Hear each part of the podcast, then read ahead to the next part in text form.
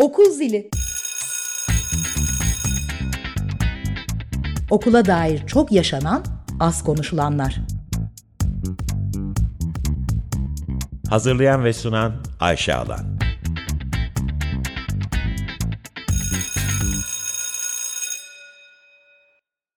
...95.0 Açık Radyo'da Okul Zili programındasınız. Ben Ayşe Alan. İki haftada bir Perşembe akşamları saat 7.30'da okula dair çok yaşanan, az konuşulan şeyleri konuşmak üzere burada sizinleyim.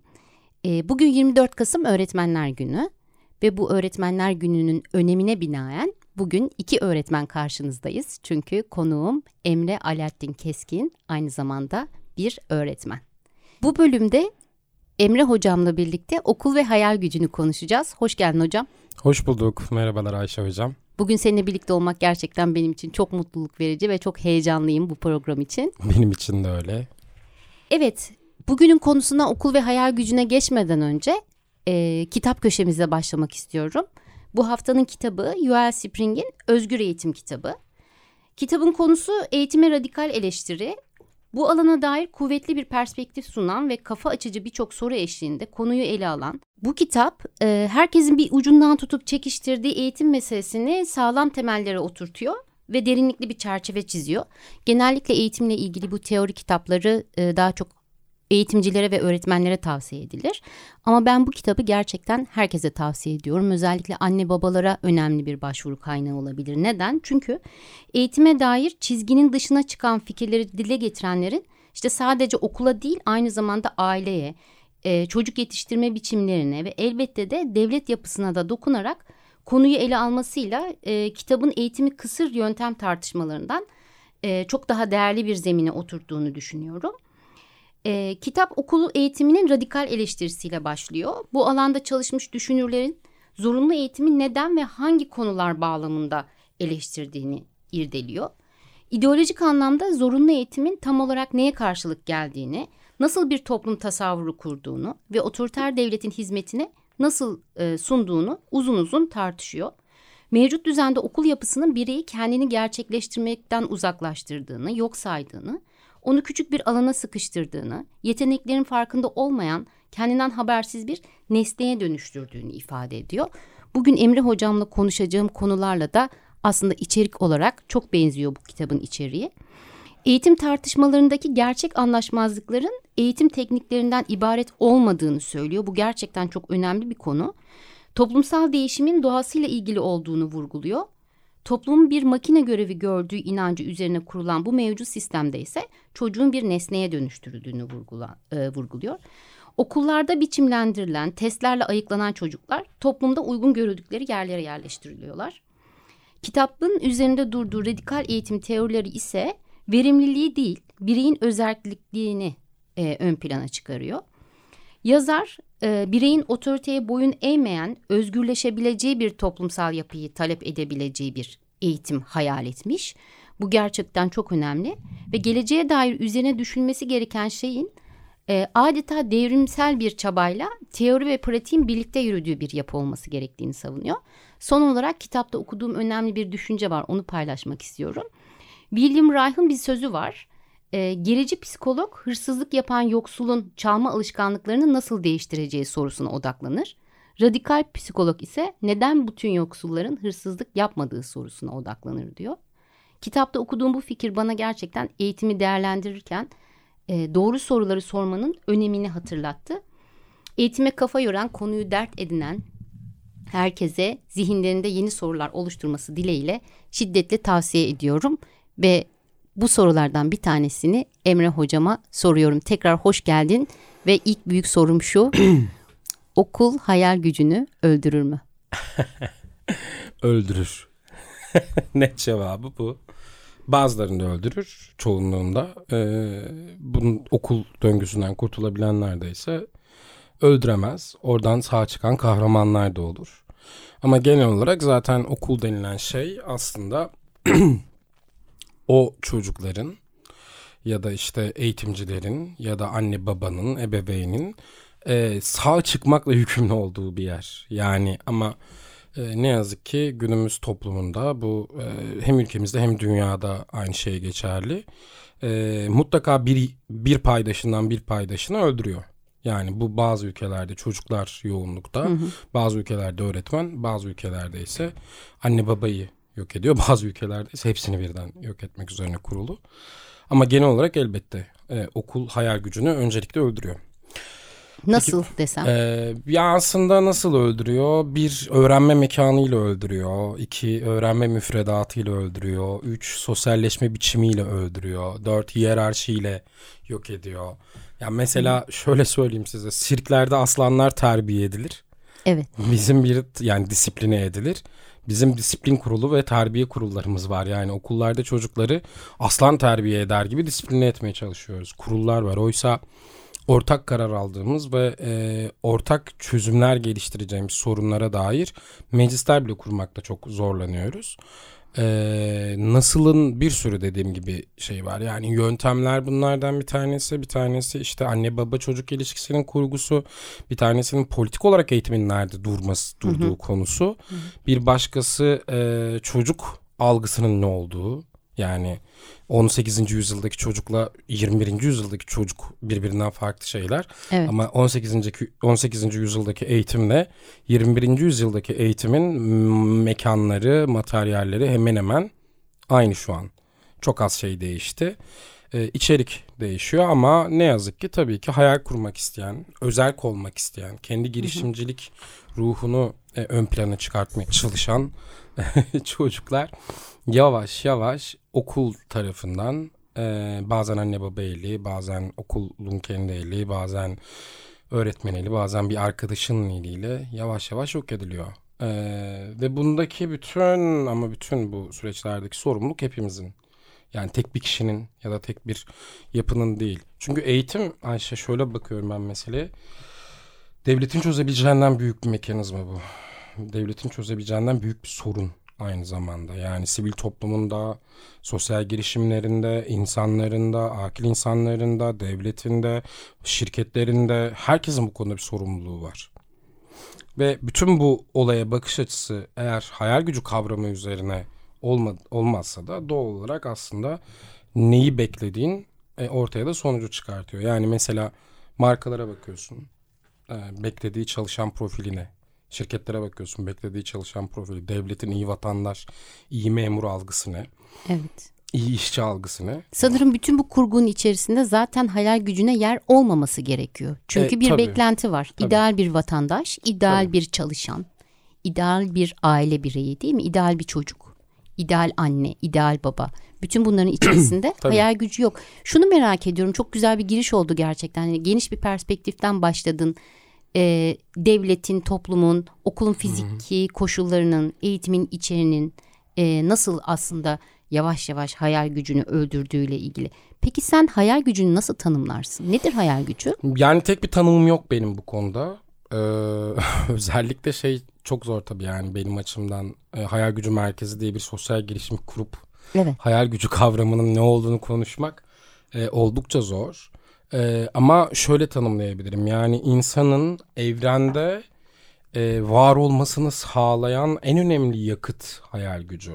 Hani dünyadan bahsetmiyorum. Evrende bir iz bırakabilmek hı hı. için, e, bütün uzayda bir iz bırakabilmek için insanın kullandığı bir yakıt gibi geliyor bana. Yani bugün bizim günümüzde bu kavram belki şu an çok anlaşılır olmayabilir benim söylediğim açıyla. Ama Jules Verne'e baktığınız zaman işte Ay'a yolculuklardan ya da 69'daki Ay'a çıkışa baktığınız zaman ya da insanın aslında sürekli göğe doğru yaptığı yolculuklara baktığınız zaman bütün bilim, teknoloji, sanat, eğitim bizim neden var olduğumuzu anlamaya yönelik ve aslında bir yerde de hayal gücü kavramı insanın dünyada neden var olduğunu anlamak için kullandığı bir yakıt. Evet, birçok soruya da cevap veriyor. Evet. Biraz önce bahsettiğin gibi aslında bilimsel gelişmeyle de hayal gücünün çok alakası var. Hayal ediyor ve yapıyor insan. Tabii. Belli ihtiyaçlarını karşılıyor ve uygarlıklar yaratıyor. Tabii. ilerleme kaydediyor vesaire. E, o zaman senin bu tanımından ilerlersek bir yakıt Hı-hı. olarak tanımladın.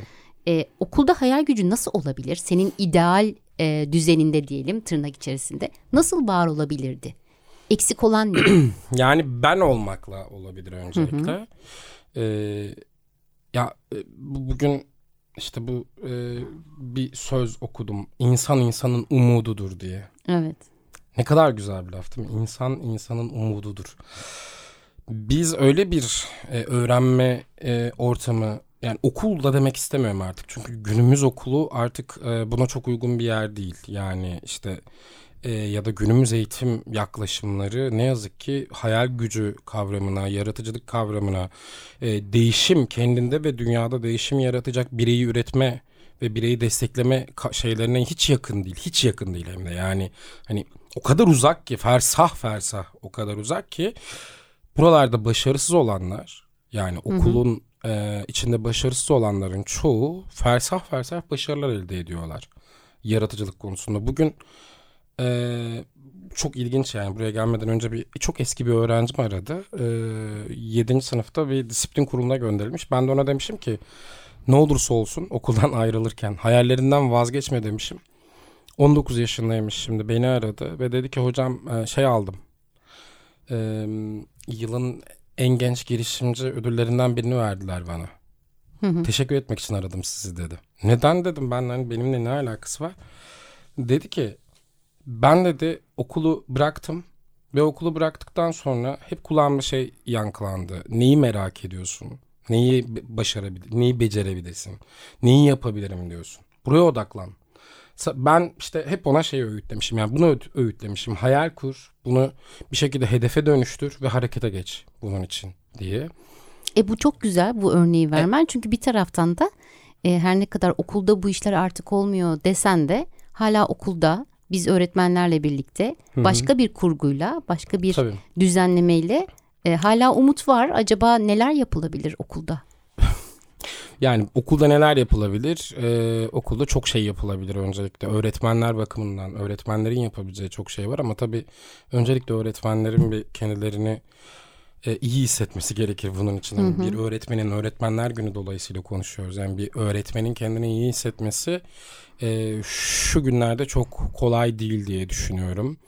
E, Birçok öğretmen e, kendini iyi hissetmek için çok fazla şey yapıyor ama çok da olmuyor gibi. E, ne olabilir? Öğretmenin bir kere öğretmenlikten vazgeçmesi gerekiyor bence. Yani benim kendi yolculuğumda ben birine bir şey öğretmekten vazgeçip birlikte bir şey keşfetmeye karar verdiğim zaman aslında hayal gücü kavramının e, benim içinde çocuk içinde çok güçlü e, taraflar ortaya çıkmaya başladı. Yani işte bu bir öğretmen masası değildir diyerek çocuklarla birlikte ilk hayal gücü merkezini kurarken bu bir öğretmen masası değildir diye çocuklar bir ilan astılar öğretmen masasına.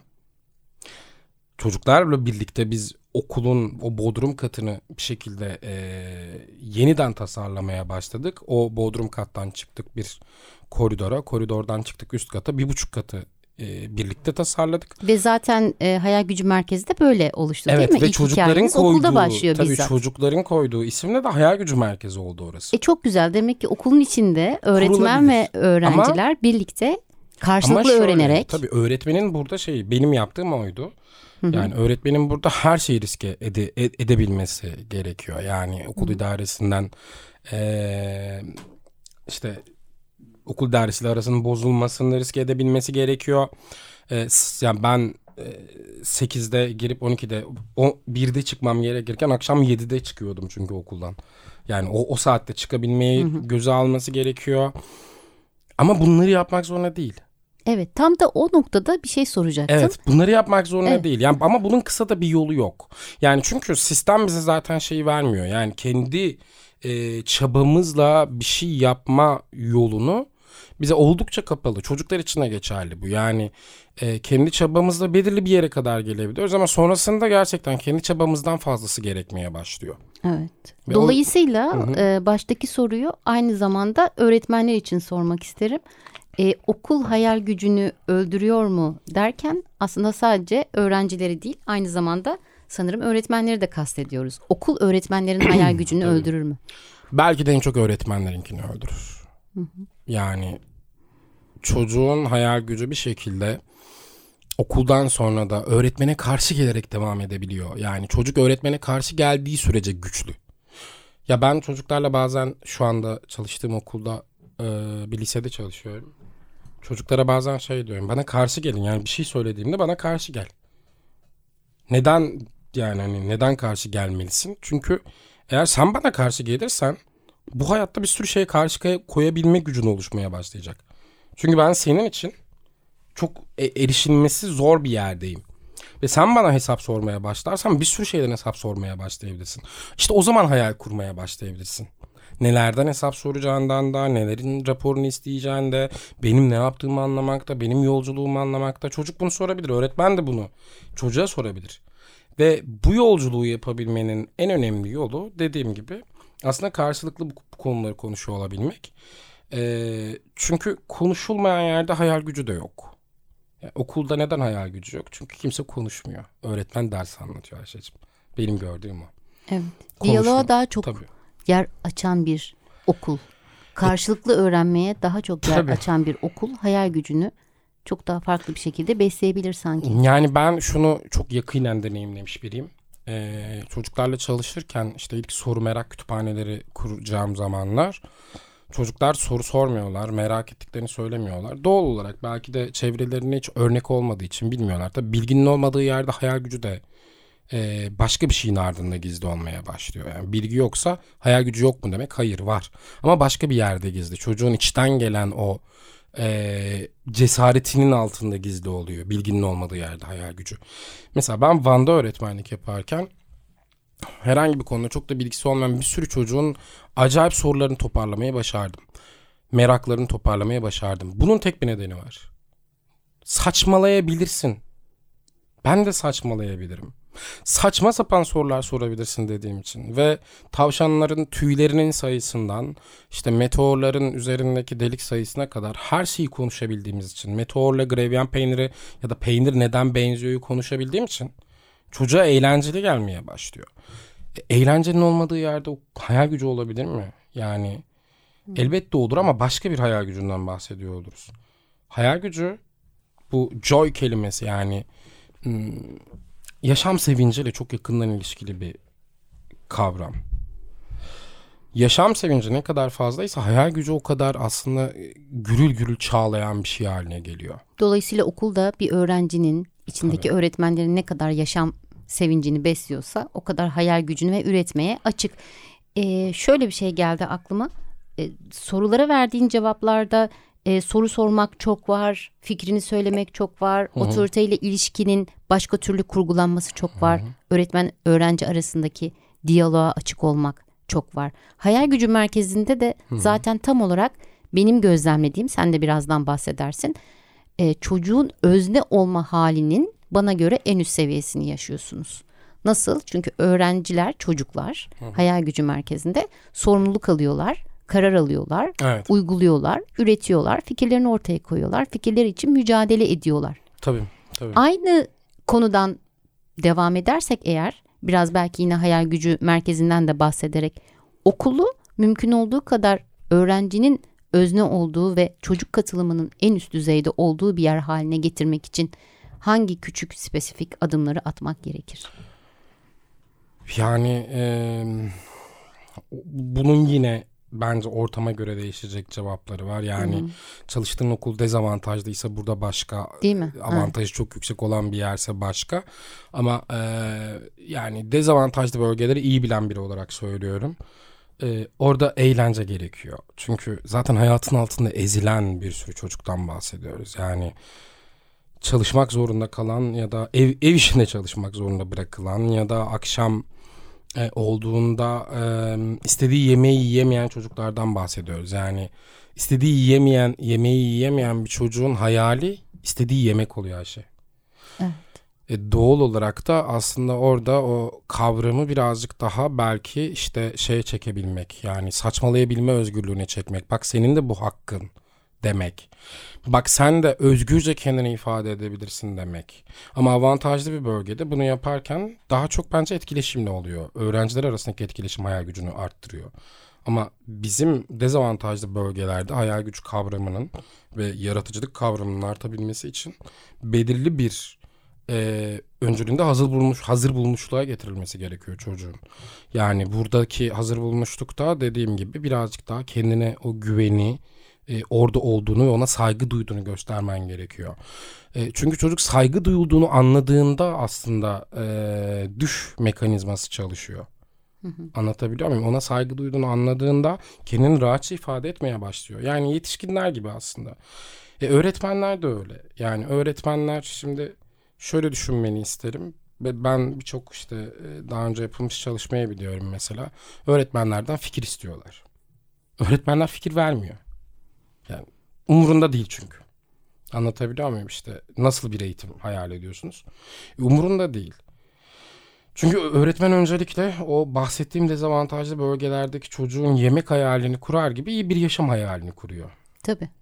Ya da öğretmen fikrini e, ortaya koyduğu zaman çeşitli raporlarla işte genellikle biz bunu müfredat değişimlerinde yaşarız. E, o fikirler çok kale alınmaz ya da son dakika zaten bu Tabii. fikirler alınır. Hani çok genel E, tabii, tabii, politikalardan dikkate- bahsediyorum. Dikkate alınmıyor. Yani ben bir e, böyle çok büyük bir etkinlikte bir konuşmacıydım yine böyle 3000 4000 insanın olduğu böyle zaten heyecanlıyım, stresliyim. Çocuklarla ilgili konuşuluyor. Benden önce çıkan herkes baktım ki yani herkes yetişkin televizyoncu, mühendis, politikacı, bilmem neci böyle ve yetişkin e, 40 yaş üstü insanlar. Ben de 29'umdayım galiba o zaman 30'umdayım. Ya çıktım ve sahneye dedim ki herkes konuşuyor. Çocuklarla ilgili konuşuyoruz. Bu sahnede neden çocuk yok? Televizyoncular da konuşuyor, gazeteciler de konuşuyor. Çocuklar neden konuşmuyor çocuklarla ilgili konuşulan bir yerde? Evet ya da öğretmenler niye Neden konuşmuyor? yok? Yani Öğret- tabii eğitimle ilgili konuşulan Eğitimle ilgili yerlerde. en az fikri sorulan iki kesimi söyleyeyim sana. Bir, Evet. öğretmen. iki çocuk. yani nereden başlamamız gerekiyor acaba? Yani bence çok net durum. Önce bir bunu hep birlikte konuşmamız lazım. Konuşulmayan yerde hayal gücü çıkamaz çünkü. Hayal gücünün kendini göstermesi için ufacık da olsa çıkabileceği bir yere ihtiyacı vardır. Ufacık. Oradan Evet. türer gider büyür. Ama eee, benim gözlemim odur ki eee, kendine alan yani ciddiye alınmayacağını, saygı duyulmayacağını düşününce ne öğretmende ne çocukta bunlar ilerlemiyor. Ne yazık ki. Bir taraftan da bütün bu anlattıklarından aklıma e, yine hayal gücü merkezinin uygulamaları geldi. Çünkü orada siz e, çocuklarla birlikte çok değişik etkinlikler yapıyorsunuz. Hatta çocuklar bunu başka çocuklara da yapıyor. Evet, evet. Bu şekilde sorumluluk alıyorlar. Bu Tabii. şekilde özne olma halini aslında Hı hı, e, deneyimlemiş oluyorlar. Belki e, kapatmadan onlardan da birkaç tane örnek vermek istersin. Hangi yaklaşım, hangi etkinlik, hangi yan yana duruş çocuklara iyi geldi? E, belki başkalarına da ilham olur burada. Valla geçen bir etkinlikte bir e, hayal gücü merkezinden bir e, kızımız şöyle söyledi. Ben 10 yaşından beri hayal gücü merkezinin içindeyim ve şu an 16 yaşındayım. E, sosyal medyadan iletişime, e, işte kurumsal çalışmalardan davetlere katılmaya kadar her şeyin içinde yer aldım dedi. E, hatırlar mısın bilmiyorum bunu söylediği anım Melisa'nın. Evet. Şimdi bir hatırlıyorum. durdum. Melisa gerçekten 10 yaşındaydı. Anlatabiliyor muyum? Şu an 16 yaşında ve geçen işte o etkinliği e, etkinlik için çıkıp konuşma yaptı. Ve şu anda benim olmadığım bir yerde Melisa hayal gücü merkezini anlatabiliyor. Benim olmadığım bir yerde Melisa gidip eğitimler verebiliyor. Çocuklara ya da yetişkinlere. Melisa benim asistanım değil. Melisa benim arkadaşım da değil. Melisa benim öğrencim de değil. Melisa benim öğrenme yolculuğunda yoldaşım. Ben de onun yoldaşıyım. Yani hayal gücü merkezinin muhtemelen yap, yapabildiği en kıymetli şey bu zaten. Yani çocuğun e, istediği kadar çocuk kalmakla, eğitimciden istediği kadar yoldaş olmakla ilgili hakkını hep koruyor. Anlatabiliyor muyum? Ve bir süre şöyle bir şey asla olmuyor. İşte herkes sadece eğitimci ya da çocuk kalmıyor. Eğitimci de çocuk olabiliyor, çocuk da eğitimci olabiliyor. Yani bugün bizim yaptığımız en kıymetli çalışmalardan biri çocuktan çocuğa akademi ve çocuktan yetişkine akademi çalışmaları. Ya binlerce e, çocuğa hayal gücü merkezinden yaklaşık 35 çocuk e, bir yılı aşkın e, birçok eğitim gerçekleştirdiler ya da işte aynı şekilde yetişkinler için de eğitimler gerçekleştirdiler ve benim gördüğüm şu oldu. Bu eğitimleri yaptıkları herkes ama herkes mutlaka bir allak bullak oldular. Şahane. Allak bullak olmak çok önemlidir Ayşe. Bir şeyin gerçekten tersi yüzünden daha güzel olabilir. Oraya da bakmak lazım.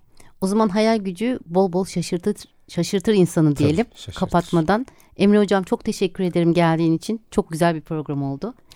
Dolu Ben- dolu bir program Ben oldu de çok bence. teşekkür ederim. Şaşıracağımız nice günlere dileyelim o zaman. Ben de öyle umuyorum. 95.0 Açık Radyo'da Okul Zili programındaydınız. İki hafta sonra Perşembe akşamı 19.30'da tekrar görüşmek dileğiyle. İyi akşamlar.